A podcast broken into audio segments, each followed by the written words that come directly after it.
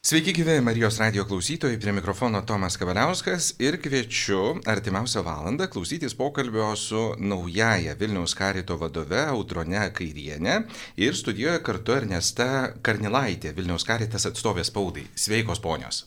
Gerą dieną. Labai malonu jūs čia matyti.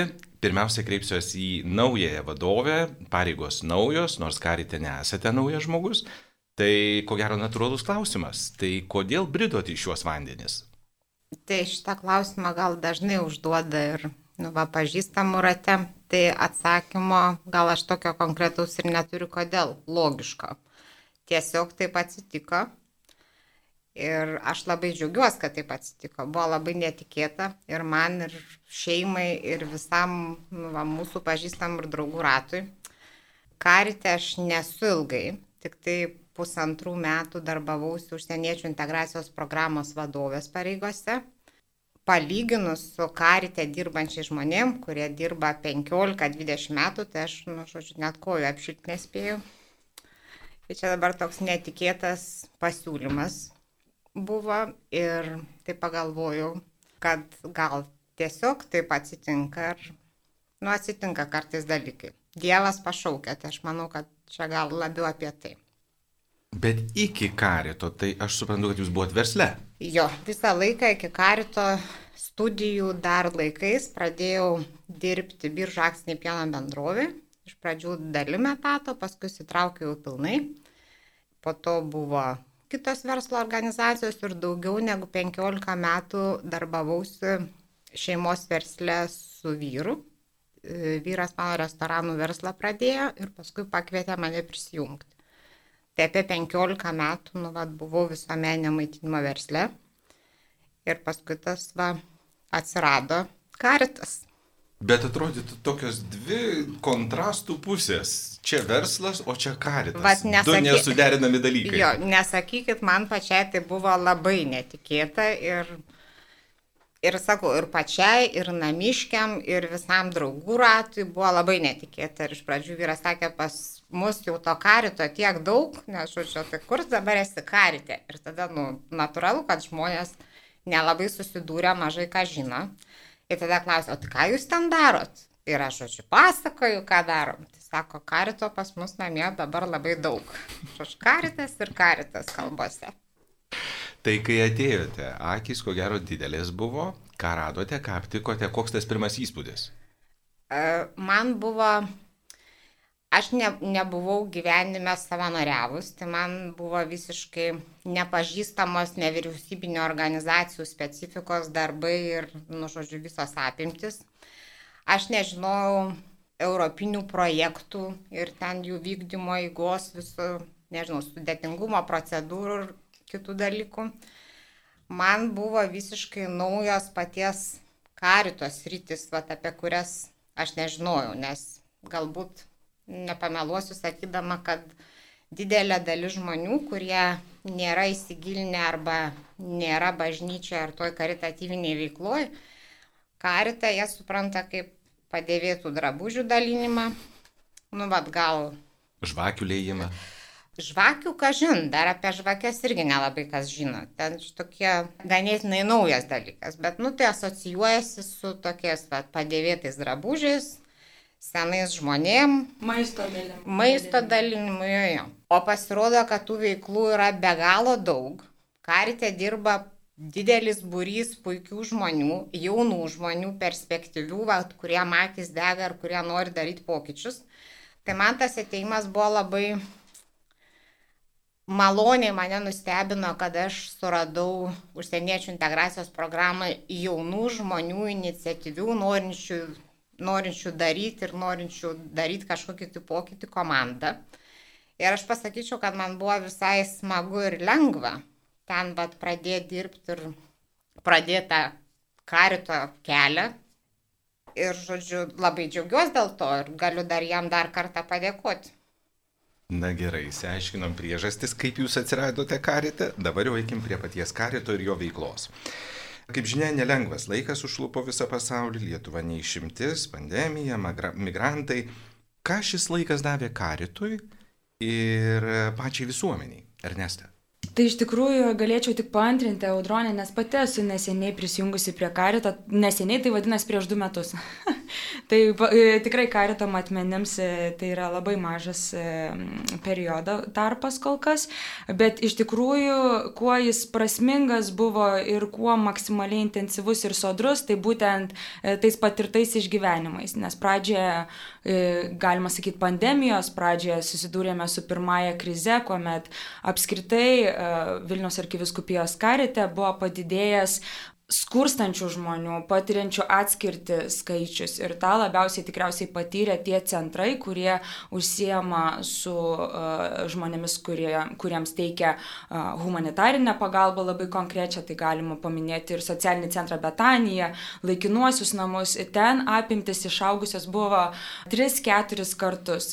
Šventiniu laikotarpiu kartais net ir 7 galėdavo pasiekti, nes iš tikrųjų pajutom visų pirma Lietuvos Vilnių Vilniaus, būtent Vilniaus miesto, Vilniaus e, rajono ribose e, išaugusi mūsų lietuvių žmonių vargstančių kiekį, kuriam iš tikrųjų reikėjo kaip ir visą laiką, tikriausiai krizės akivaizdoje visų pirma uh, ištinka humanitarinės pagalbos poreikis ir žinoma, toliau su laiku keliaujant įsijungia ir visi kiti mūsų centrai, kurie taip pat teikia pagalbą šeimoms, vienišoms mamoms, nuteistiesiems ir tai jau per įvairias, sakyčiau, praktikas įgyja ir kitą pavydalą, teikiant ir psichologinės konsultacijas, socialinio darbuotojo konsultacijas.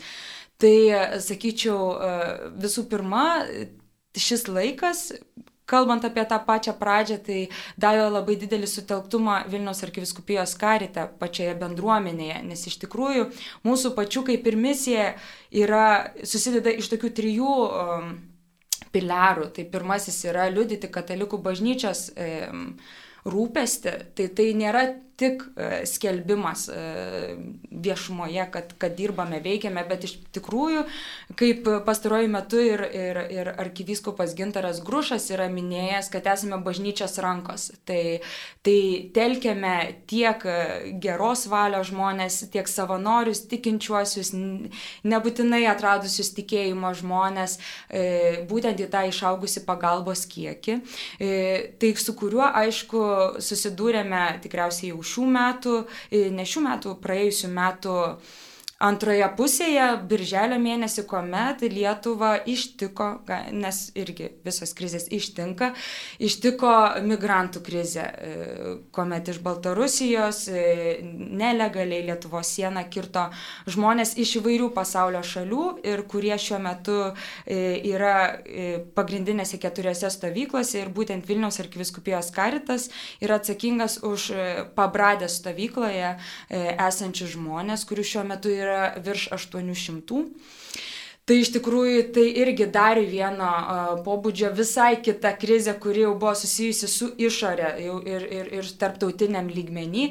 Tai kuo tikriausiai audronė netgi dar daugiau galėtų pasidalinti, nes kaip vadovė iš tikrųjų e, atrodo, kad tik tik atėjo į Vilnius arkiviskupijos karitą, bet iš tikrųjų atėjo tiesiai į visą veiksmo sūkurį, kurį taip pat reikėjo padėti e, humanitarinę, psichologinę pagalbą įvairiais užimtumo organizacijais organizavimais. Tai čia taip pat yra didelis e, telkimas savanorių, kurie taip pat e, kasdien, e, kai kurie savaitgaliais skiria savo rankas, savo laiką, savo talentus, kad galėtų prisidėti prie ten esančių žmonių vargo.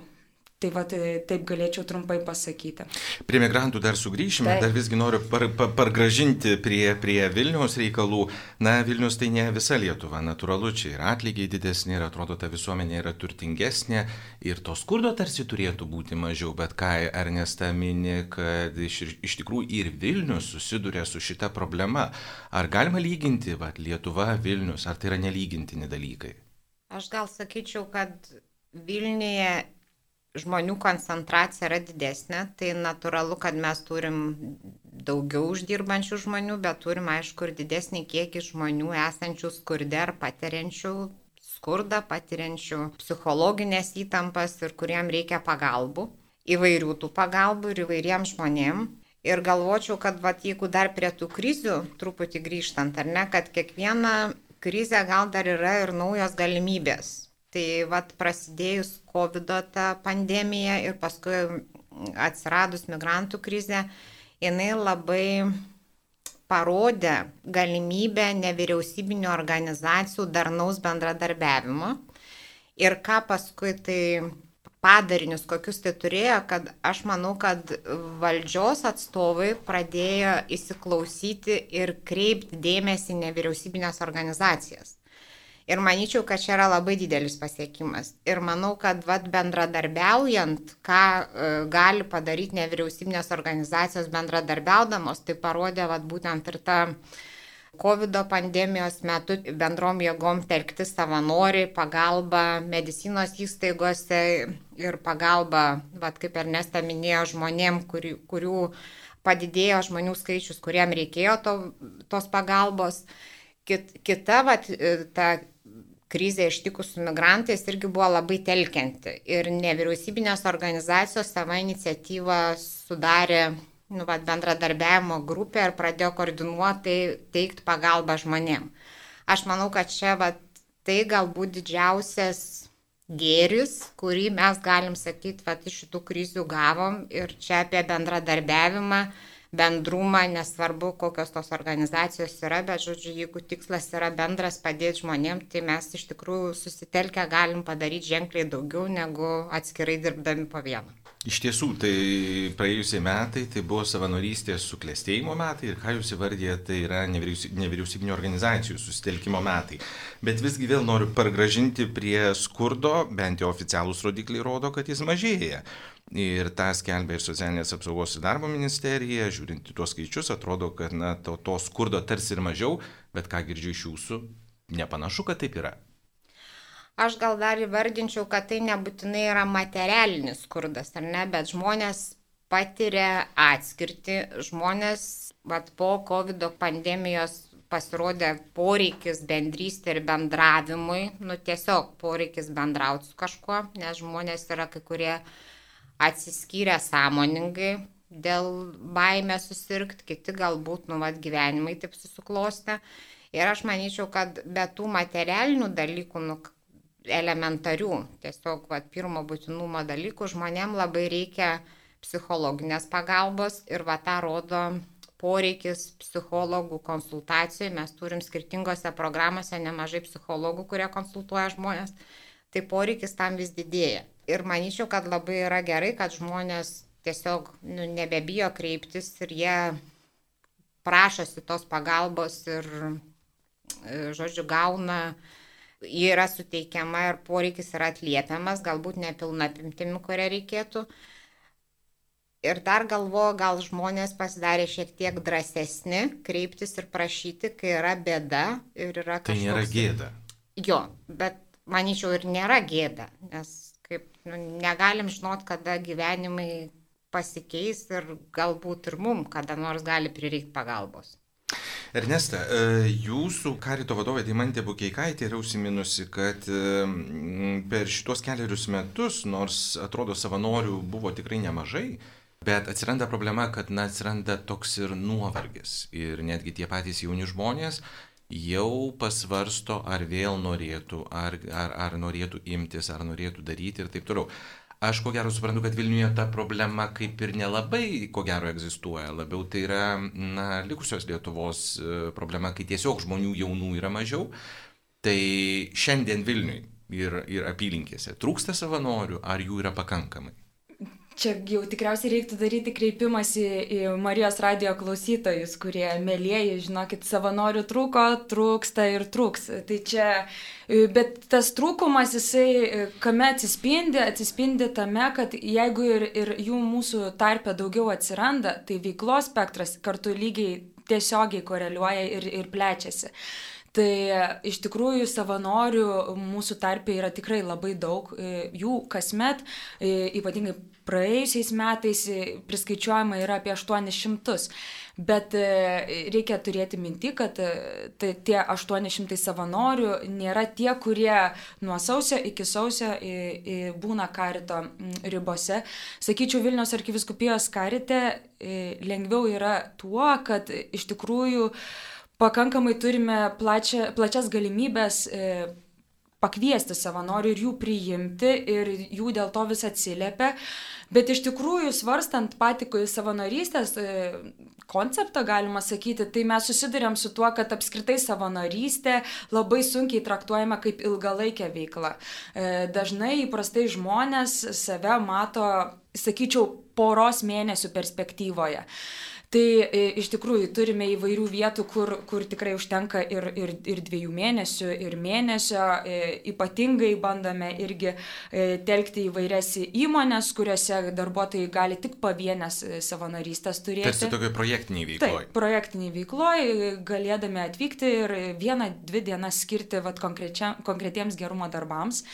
Ir kitas dalykas, turime tikrai labai specifinius ryčių, kurios reikalauja iš tikrųjų gilesnio požiūrio į savanorystę, žinant, kad iš principo pati savanorystė mes netgi tikriausiai galėtumėm ir paliudyti patys, kad geriausiai atsiskleidžia ilgalaikiai perspektyvai. Nes dažnai žmonės, aš ir pati lygiai tą patį esu išgyvenusi, kad ateinam herojiško mintimis, įkvėpimu, entuzijazmu ir kuomet susidurėme su vargu ir ypatingai žmonėmis, kurie nebūtinai tau kiekvieną kartą padėkos atėjus ir kur nebūtinai kiekvieną kartą jausies reikalingas ir kažką gero padarė geras.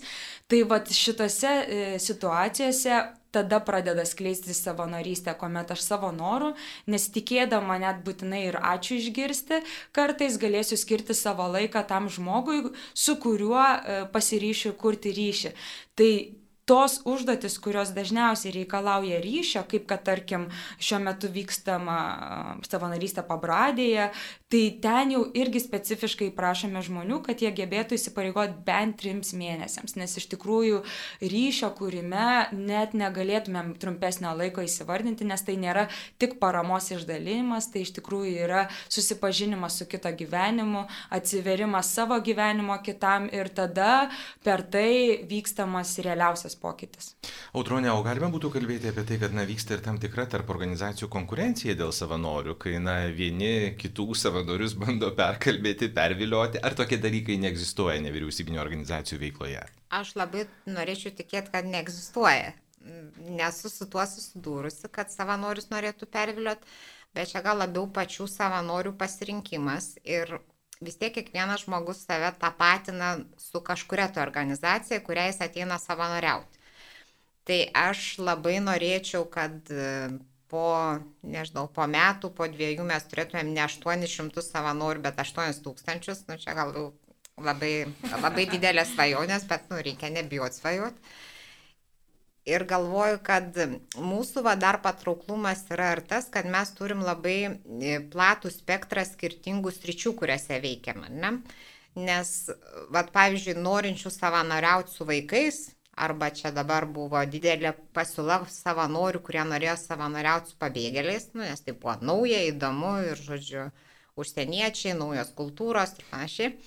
Bet pavyzdžiui, surasti savanorių laikinuose namuose, kur žmonės ateina turėdami benamystės vat, problemų, nu, yra ganėtinai sunku, nes tai vėlgi, tai nežinau, nemadinga, nepatrauklu, jauniems žmonėms gal mažiau patrauklu, bet labai norėtumėm pakviesti e, klausytojus ir paraginti, kad matytų ne tik tai tas gražiasias veiklas, bet pagalvotų ir, žodžiu, nežinau, pagalvotų apie tai, kad galima savanoriauti ir netokiuose įdomiuose ir gražiuose veiklose. Bet gal tai yra tam tikra baimė, na, kai žmonės tiesiog nenori priimti ir matyti to vargo tokio gilaus ir tas stabdo, na, imtis tos veiklos. Tai be abejo, kol nesusiduri ir nematai, atrodo, kad labiau čia gražu, bet kaip jūs sakėt, atrodo, kad nėra ir skurda, ir nėra vargstančių žmonių ir panašiai. Bet tas susidūrimas ir su, pasimatymas, ar ne, su tom problemom, kurios yra realios ir kurios, nu, yra, ir mes negalim apsimesti, kad jų nėra, jis labai gal sakyčiau, galėtų nuteikti pozityviai, nes mes labai gerai gyvenam. Jeigu vat, pasižiūrėtumėm su, palygintumėm tas, nežinau, savo paprastas istorijas su tų žmonių, kurie yra iš tikrųjų patyrę begalę problemų ir psichologinio, ir fizinio smurto, ir atsidūrę dugne, ir kilę iš to dugno, ir vėl kritę. Tai, nu, sakyčiau, kad ta savanorystė ir prisilietimas prie tų problemų galėtų būti dar labai ir didelis stimulas žmonėm, nežinau, nustoti dėjuoti. Na, vienas ekonomistas yra sakęs, kad išgyvename gero gyvenimo krizę. Tai ko gero tas ir yra, Ernesta. Aš taip pat dar norėčiau apie baimę e, pareflektuoti šiek tiek ir savanorystę, e, su kuo susidurėma. Tai iš tikrųjų, iš vienos pusės aš manau, kad mūsų demokratinė visuomenė yra labai drasi ir, ir, ir tos baimės tikriausiai neretai yra labai silpnos, bet e, iš tikrųjų uždengiančios akis. Ir tuo labai skiriasi ir yra aiški perskyra tarp gailėšio ir gailestingumo. Tai vad, netgi ir, ir gilinantis į karito e, etimologinę sandorą, vad kalbinę, iš latynų kalbos tai yra gailestingoji meilė, vadinasi ta, kuri kreipia mano žvilgsnį į kitą. Gailestis dažnai viduje tikrai nukreipia tą žvilgsnį, nes man per sunku, aš negaliu ir, e, nu, vad atrodo, tie tokie barjerai užsideda. Ir šituose barjeruose labai norisi įvairius mitus tokius greuti, kad visų pirma savanoriai nėra vieni, yra e, be galo geros širdies darbuotojai, kurie yra pasiruošę priimti, įvesti ir palydėti savanorių nori link, link, nežinau, gal tam tikrų šokiruojančių kartais e, dalykų, kurie gali ištikti žmogų susidūrus su vargu ar skurdu, atskirtimi. E, ir iš kitos pusės irgi norisi drąsinti, kad e, vis tik pokytį po vieną negalim daryti ir galim daryti kartu. Tai dėl to ir labai myli mūsų savanorius ir, ir tuos, kurie prisijungs ir kurie jau yra mūsų tarpe, kad iš tikrųjų kartu labai realiai galime pajusti veikiantį pokytį pokytį ir netgi dar daugiau siekti jo. Tai aš sakyčiau, irgi kartu prisidėčiau prie audronės svajonės, kad irgi norėtųsi, kad iš tų 800 e, taip pat virstų į 8000. O gal tai savotiškai, na, artimo meilės ūkdymo kursai, kur ateini ir išmoksti priimti, pavyzdžiui, benamį, kurį va, tiesiog nugrebiai gatvėje ir jį išprausti, nukirpti, perengti. Aš manau, čia kiekvienam tas iššūkis patirti tokį jausmą ir iš to komforto zonos ateiti ir padėti. Ir, na, aš įsivaizduoju, ko gero po to žmonės turbūt, na, ir baimės, ir, ir, ir, ir to tokio pamatyto skurdo uh, žvilgsnio, na, turbūt perkeičia daugelio mąstyseną tie dalykai. Kaip jums atrodo, Audronė? Man tai labai padėjo sesers Jolitos toks e, pamokymas galbūt ar padrastinimas, jinai, žodžiu, mane kaip priminėjo užsieniečių integracijos programos vadovo poziciją. Ir sakė, galvoju, sako, ką čia reikėtų padaryti, kad jūs tos pabėgėlius pamiltumėt. Ir sako, man atrodo, gal jūs tiesiog turėtumėt juos pažinti asmeniškai.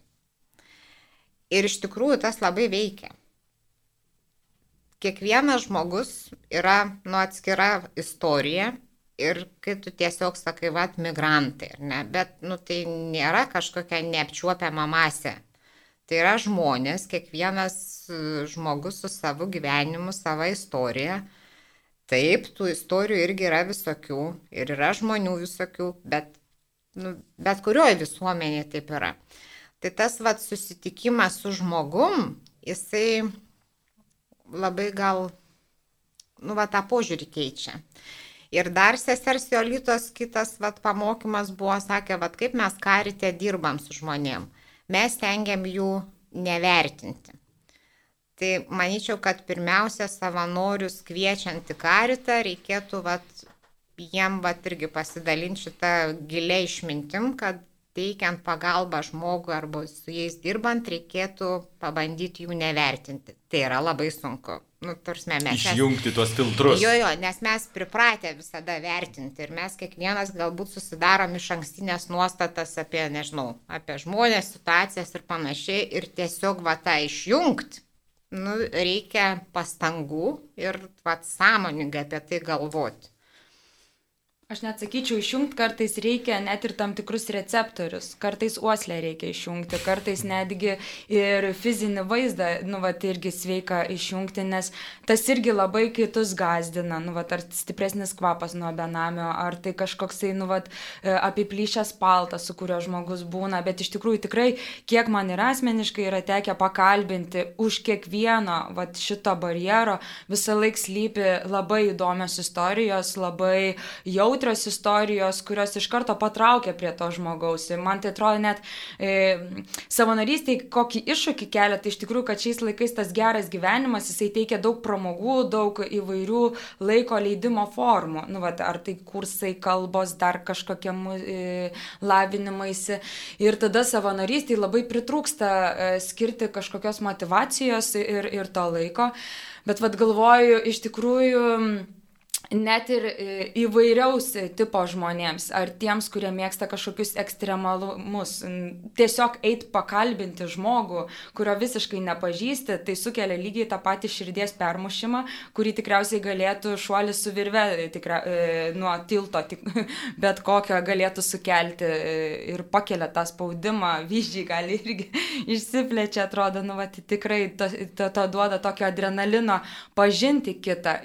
Lygiai taip pat pat ir, ir ramiems žmonėms, kuriems atrodo, nu, vat, kad, kad nebūtinai jie turėtų būti dabar išeiti iš savęs visiškai, kad čia galėtų prie kito būti, yra pilna įvairiausių darbų, darbelių, veiklų, veiklelių, kuriais gali ir nematomų būdų padėti žmonėms. Ta pagalbos teikimo forma taip pat vat, irgi atliepia į mūsų misiją, kad jinai skirta atliepti poreikius. Tai, tai nėra žmonėms vienodi poreikiai ir su skirtingom istorijom skirtingi poreikiai, skirtingi laiko matavimai, kad kada reikia atsiliepti tą pagalbą. Tai man rodos, kad irgi, nu, vat, norisi drąsinti ir, ir ekstremalus, ir, ir ypatingai e, ramius žmonės, kad visiems yra vietos ir visiems yra kaip prisidėti. Mėly Marijos radio klausytojai, kalbame su naujaja Vilniaus karito vadove Audrone Kairienė ir atstovė spauda Ernesta Karnilaitė.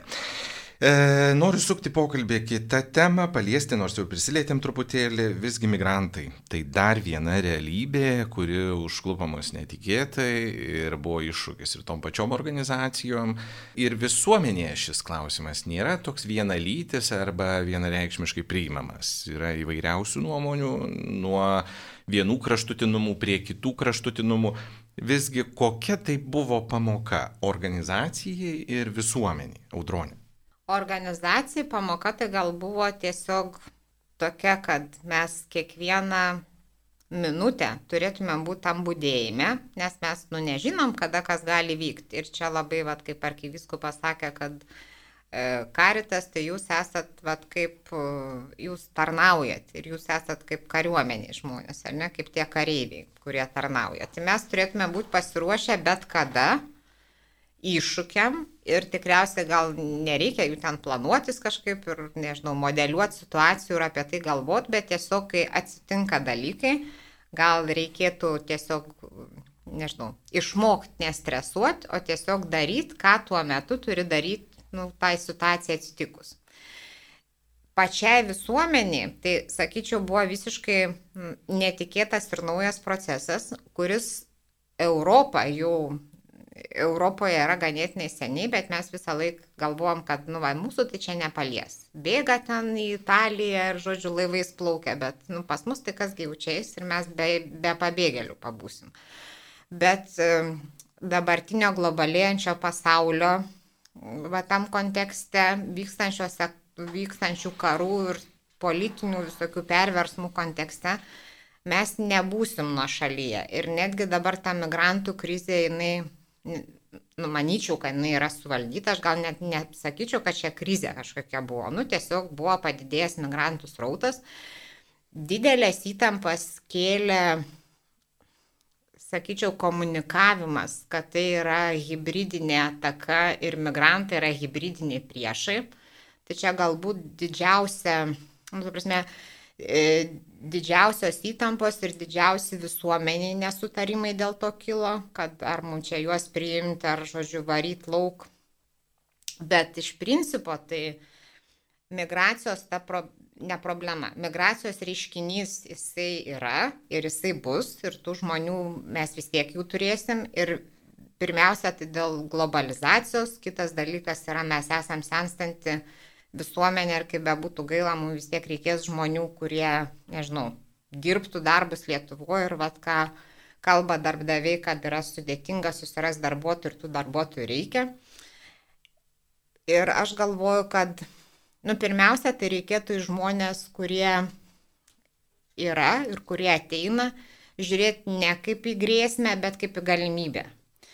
Mūsų vata užsieniečių integracijos programa darbuojasi jau daugiau negu 10 metų su migrantais ir yra žmonių, kurie yra įkūrę verslus Lietuvoje, kurie, žodžiu, puikiai integravėsi, jų vaikai lanko lietuviškas mokyklas, visi vaikai puikiai kalba lietuviškai.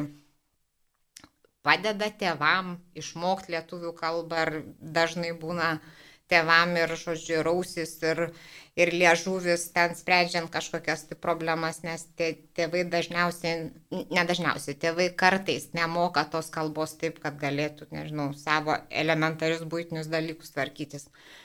Bet tai yra nu mūsų ateitis ir tų vaikų visokių yra. Ir yra labai gabių, piešiančių, grojančių, dainuojančių. Yra vaikų studijuojančių ir išvykusių studijuoti kitas šalis ir studijuojant mediciną, informatikos mokslus. Tai aš tai galvoju, kad migrantai ir ta migracija yra neišvengiamas dalykas ir tai yra mūsų galimybė ir jeigu mes to žmonės priimsim atvirą širdim, ir žiūrėsim juos kaip į savo brolius ir seseris, nu, mums patiems bus lengviau ir tiem žmonėm bus lengviau integruotis Lietuvoje. Jie bus labiau, jie jaus, kad jie yra laukiami, priimami, o tapsme, nesijaus svetimais, atstumiamais, nereikalingais. Ir manyčiau, tada ta integracija galėtų lengviau ir sklandžiau vykti. Aišku, kalbate apie tuos dalykus, kurie na, turėtų būti ir atrodo taip na, paprastai turėtų įs, į, į, įsilieti į mūsų visuomenę, bet ar pritartumėte, o gal nepritartumėte minčiai, kad visgi migrantų šitas nutikimas labiau suskaldė visuomenę, Ernesta? Nes labai kraštutinių nuomonių atsirado. Kodėl mes turim jiem padėti, jie vis tiek veržėsi į vakarų Europą, tai kodėl mes čia turim stengtis, kodėl mes čia jais turim rūpintis, gražinkim jų ten, sakykime, kilmės šalis ir panašiai. Tai va tie kraštutinumai tarsi ir neleidžia priimti, nes, nu, nė, nė, nėra to prieimimo jausmo. Aš tai sakyčiau, kad e, kiekviena krizė yra iššūkis ir galimybė. Tai sakyčiau, iššūkis tikrai buvo tame, kad reikėjo atpažinti um, jos pradžioje vykusią įtampą ir, ir, ir tą nežinomybę, kuri iš tikrųjų e, Man visą laiką atrodo, kad ne žmonės, bet iš tikrųjų tie va tokie nežinomieji elementai kartais sukelia tai, tą, tą susiskaldimą tarp mūsų. Tai iš tikrųjų tai tam tikras net ir baimės kelimas, kad dėl to ar bus suvaldyta, ar bus surinkti tie žmonės, ar juos bus galima, nežinau, tam tikrą prasme kontroliuoti iš to, kad bus galima saugiai kažkur juos saugoti. Tai Taip, iš tikrųjų, tas e, susiskaldimas, ta, ta, ta, tie kraštutinumai, aišku, irgi ateina dažnai iš to mm, nesaugumo gal šalies viduje, socialinio nesaugumo, nes e, dažniausiai iš tikrųjų kažkokia ar nepasitenkinimą, tai tikrai sakys tie, kurie e, labiausiai nesaugiausiai jaučiasi. E, tai kadangi, sakyčiau, čia reiktų atsiremti į tą socialinį irgi lygį ir mūsų šalies viduje, dėl ko irgi natūraliai kyla kažkokios grėsmės, baimės, e, kurias irgi vienaip ar kitaip bandome bandome numalšinti ir truputį kitos realybės įvesti iš vienos pusės, nes krizė kainai šiuo atveju irgi labai išryškino, tai visą laiką pamatinės vertybės gyvenimo e, iškelia klausimą. Tai šiuo atveju, sakyčiau, pagrindinė, kuri buvo e, mūsų tikslas, mūsų prioritetas, tai buvo iškelt žmogiškumą ir jo orumą. Ir tai iš vienos pusės jokia čia nenaujiena. E, dar iš kitos pusės atrodytų, kad tai kaip tik tas prakilnus dalykas, kuris mus visus suvienodina ir daro žmonėmis iš tikrųjų. Tai prie to grįžti, aš manau, matau, kad tai buvo labai puikia galimybė ir iš tikrųjų dabartinė informacija, jos klaida, kad tenka matyti ir žiniasklaidoje, iš tikrųjų keičia po truputį tą požiūrį. Dinksta ta baime, tas neiškumas, aišku, iš vienos pusės gal dėl to, kad ta pati krizė jau yra kitais būdais ir suvaldoma. E, e, dar iš kitos pusės irgi ką matau, kad kartais grįžtam ir prie tų tokių esminių klausimų, ar iš tikrųjų yra blogai žmogui ieškoti geresnio gyvenimo. Ir taip, tie žmonės jie nėra, kad didžiuotųsi, kad vat, turėjo palikti namus, kad turėjo palikti visus turtus, daiktus, visą kitą, kad galėtų vat, per mišką perkirsti tą liniją ir ateiti, atvykti į Lietuvą. Ir, ir, ir, ir tas, man rodos, irgi labai kreipia E, ieškoti e, tų vienybės būdų, e, kurie suvienodintų mūsų žvilgsnį ir į tuos žmonės, kurie yra, kad kaip ir popiežius, jo kokia ir buvo pagrindinė žinutė ir, ir, ir pasaulinės migrantų pabėgėlių dienos proga - eiti link vis didesnio mes. Šita krizė man yra ėjimas link vis didesnio mes. Tai taip ir matėmės ją. Mūsų pokalbis dėja jau keliauja link pabaigos. Šie metai, 22, Seimo yra paskelbti savanorystės metais. Ir aš, tarkim, esu tas, kuris svarstau, nu, vat, gal man reiktų pasavanoriauti. Tai kodėlgi aš turėčiau 22 metais atkeliauti iki karito, audronė? Pirmiausia, tai tada... O gal man maltiečiai tinka? Ar gal, raudonas kryžius? Gal ir tinka. Aš manyčiau, kad savanorystė bet kokioje organizacijoje yra puiku. Savanorystė aplamai yra puiku. Ir jeigu jūsų pasirinkimas, kurio organizacijoje savanoriauti, vienareišmiškai priklausys nuo to, nu, bet kaip jūs tą organizaciją matysit, arba kaip jūs save tapatinsit su kažkuria tai organizacija. Bet aš tai labai kvieščiau ateiti karitą, nes pasidalinsiu čia tokia mintim mūsų partnerių NVO organizacijos, kai sakė, mes kartais jum pavydim. Viena, viena darbuotoja sakė, mes kartais jum pavydim nes jūs sakė, imatės tų darbų ir nebijot teptis rankų. Nu, ta tai prasme, tai supras kitos organizacijos, bijo teptis rankas. Gal čia nereikėtų taip įvardinti tiesiogiai, kad bijo, bijo teptis rankas, bet, nu, vat, mes dalindamės, pažiūrėjau, su padalinių vadovais apie tą, e, žodžiu, apie tos žmonės, kuriem yra teikiama pagalba. Mes iš tikrųjų turim ganėtinai didelę dalį žmonių, kurie yra, nu negalim sakyti, sunkus atvejai, bet tie tokie žmonės iš tikrųjų, kuriem galbūt mes esam paskutinis šiaudas, kurio vat jie griebėsi bandydami, nežinau, kabintis į gyvenimą arba tą gyvenimą savo keisti. Ir aš galvoju, kad vienas iš didžiausių karito vertybių, viena iš didžiausių karito vertybių, kad mes nesakom ne žmonėm, jeigu jiem pagalbos reikia ir jie į mus kreipiasi, ne? Nu, mes tikriausiai nenupirksim jiem namų, ar ten, nežinau, nesuteiksim tos materialinės gerovės, kurios galbūt dalis žmonių nori ir tikisi, ar ne, bet e, tą moralinį palaikymą, dvasinę paramą, tai aš manau, kad žmonės gali rasti tikrai kiekvienam mūsų, kiekvienoje skirtingoje veikloje ir mes nelabai rušiuojam jų, ar čia jis mums patogus ar nepatogus. Ir dažnai labai būna taip, kad didelė, nu, daug mūsų veiklų yra finansuojamų iš savivaldybių biudžeto, ES projektai vykdomi ir panašiai. Ir visuose šituose projektuose dažnai yra ribotas terminas kažkokiai tai pagalbai teikti. Bet pas mus, va, kuo galbūt tas karitas ir yra puikus, kad net pasibaigus tam laikui, kai žmogus gali paramą gauti. Ir jeigu mūsų specialistai vertina, kad žmogui vis tiek reikia dar palydėjimo, palaikymo ar tos paramos, tai mes tęsiam darbą su juo ir nu, jo tiesiog neuž, nepaliekam už durų ir jam tiesiog ir toliau padedam. Mhm. Ir kartais ta pagalba būna nu, tokia labai ilgametė. Ir visai visai pabaigai, tik Ernestą prašysiu labai trumpai, jau nusprendžiau, jau ateinu, tai Kągi aš galiu daryti karite? Tai labai laisvai galima nueiti į vilnius.kartas.lt puslapį ir užpildyti savanorio anketą, po kurios susisieks savanorių koordinatorius ir nukreips įvairiais e, rūpimais reikiamais klausimais ten, kur širdis tikrai bus e, mieliausiai pasitarnaujanti. Arba galima visą laiką rašyti e, tiesiai savanorių koordinatoriui elektroniniu paštu savanoriai etavilnius.kartas.lt. Ačiū labai karito žmonėm, audroniai, kairieniai ir Ernestai Karnilaitai. Kalbėjomės apie karito naujosios vadovės naują pradžią ir likite su Marijos radiju.